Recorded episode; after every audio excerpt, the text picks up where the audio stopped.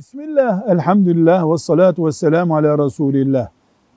Bu, bu zamanın teknolojisi ve imkanlarıyla üretilmiş bir takkedir.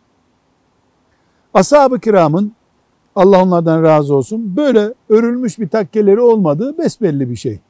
Kumaştan kesip yapmışlardır veya deriden bir takke yapmışlardır.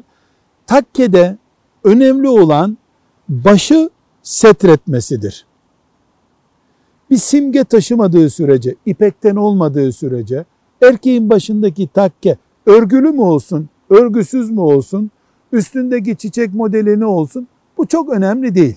Önemli olan takke kullanmayı İslam edebinden kabul ediyorsak, mesela namazda takke kullanıyoruz.